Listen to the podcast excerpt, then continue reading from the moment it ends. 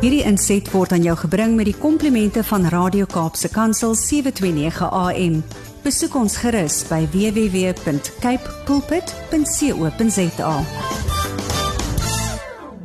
Welkom by ons gesprek oor die leefwêreld van die gestremde. Dit is so lekker om luisteraars na vrae te kry. Vorige program het ons gepraat oor die mediese model.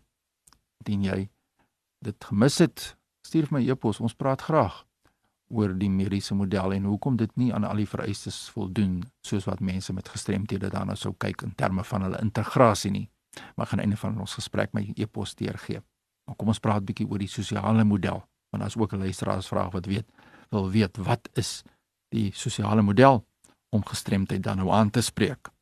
En dit is belangrik dat ons moet kyk dat die Verenigde Nasies se konvensie oor die regte van persone met gestremthede waarna ons baie verwys, die Suid-Afrikaanse Wetskrif op die regte van persone met gestremthede en natuurlik al ons wetgewing en ons kodes en riglyne wat gestremdheid aanspreek is word gerugsteun deur die sosiale model vir die hantering van gestremdheid in ons land. Nou die sosiale model van hierdie saak dan aanspreek is baie interessant. Ek sien hier die Nasionale Raad van en vir persone met gestremthede in 'n dokument wat hulle beskikbaar gestel het sê the social model to addressing disability proposes that what makes someone disabled is not their impairments but the attitudes and the structures of society. Dit is so belangrik. Daardie persoon het die verlies, hy het 'n verlies aan fisieke verlies, hy het 'n sensoriese verlies, maar dis nie hy wat die probleem is nie. Dit is die gemeenskap wat hom strem. En die sosiale model sê erken daardie benadering dat dit is nie die persoon wat die probleem is nie. Hy word gestrem deur die gemeenskap. Dan gaan die raad verder deur te sê it's a model that focuses on the abilities of persons with impairments rather than their differences.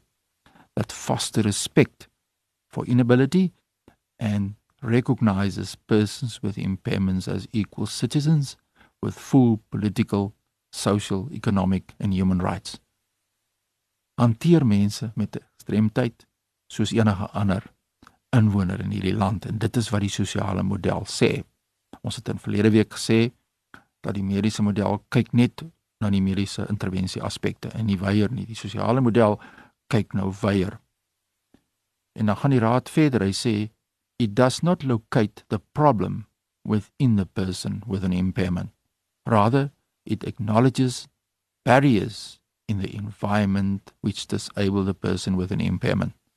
The model promotes a broader systemic change and attitude change and mainstreaming of disability. Hier's 'n paar aspekte wat na vore kom. Die eerste een sê dit dit vir dit lei of dit promoveer dat daar 'n breë verandering in die gemeenskap se stelsels moet bestaan. Die gemeenskap moet meer toeganklik raak geboue moet meer toeganklik word sodat mense met gestremthede vrylik toegang kan kry en nie net die aandag op die persoon met die siekte toestand wat tot 'n gestremdheid lei nie. Dan sê die raad it's a civil rights approach to disability. If modern life was set up in a way that was accessible for persons with impairments, then they would be included and not excluded and marginalized. En dit kom ook by die punt dat as daar universele toeganklikheid toegepas word binne in die breë gemeenskap, dat plekke normaalweg toeganklik is, dan sal mense met gestremthede nie uitgesluit word nie. Nou moet ons prakties wees. Sosiale model sê in my geval gebruik ek altyd as 'n voorbeeld, daar was mediese intervensie wat my lewe verander het, die kokleaire implantings. Dit is korrek. Maar nou kyk ons 'n bietjie verder. Nou kyk ons wat gebeur as hierdie individu in die gemeenskap inbeweeg as hy 'n persoon is wat 'n rolstoel gebruik, dan beweeg hy binne in die gemeenskap. Ons kyk wat bietjie verder aangaan. As 'n persoon met gehoorverlies het, ek gaan Sondag kerk toe. Nou kyk ons na die kerk. Nie die fokus op my wat doof is met kokleaire implantings nie. Ons kyk na die kerk wat toeganklik moet wees.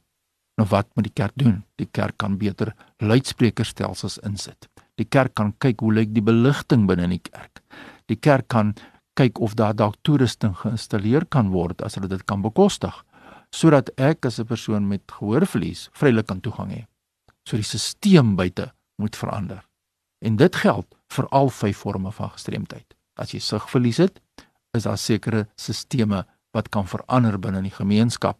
Want onthou nou, alle mense met verlies kan nie deur 'n operasie weer die gebruik van daardie sintuig herwin nie of die gebruik die gebruik van 'n uh, 'n persoon se bene om te kan loop weer gebruik nie.